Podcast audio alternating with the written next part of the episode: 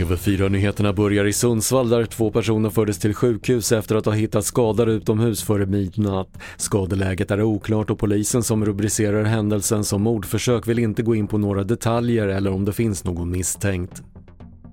Turkiets president Erdogan ska ha upprepat sin skepsis mot Sveriges NATO-ansökan i telefonsamtal med USAs president Biden igår kväll. TT skriver att Erdogan ska ha sagt att det inte är rätt att koppla köpet av F16-plan till ett godkännande av Sveriges NATO-ansökan. Och det råder fortsatt stor brist på läkare och sjuksköterskor och på flera sjukhus tvingas man dra ner på antalet vårdplatser i sommar visar TV4-nyheternas kartläggning. 18 av 21 regioner har brist på läkare och 19 regioner säger att man inte har tillräckligt många sjuksköterskor. Det är naturligt så att det påverkar vården. Det är, personalen är det viktigaste som finns det är för att kunna bedriva vård. Det sa Bodil Umegård på Sveriges kommuner och regioner. Fler nyheter hittar du på tv4.se. Jag heter Patrik Lindström.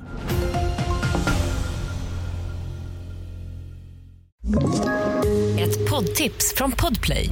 I fallen jag aldrig glömmer djupdyker Hasse Aro i arbetet bakom några av Sveriges mest uppseendeväckande brottsutredningar går vi in med hemlig telefonavlyssning och, och då upplever vi att vi får en total förändring av hans beteende. Vad är det som händer nu? Vem är det som läcker? Och så säger han att jag är kriminell, jag har varit kriminell i hela mitt liv men att mörda ett barn, där går min gräns. Nya säsongen av Fallen jag aldrig glömmer på Podplay.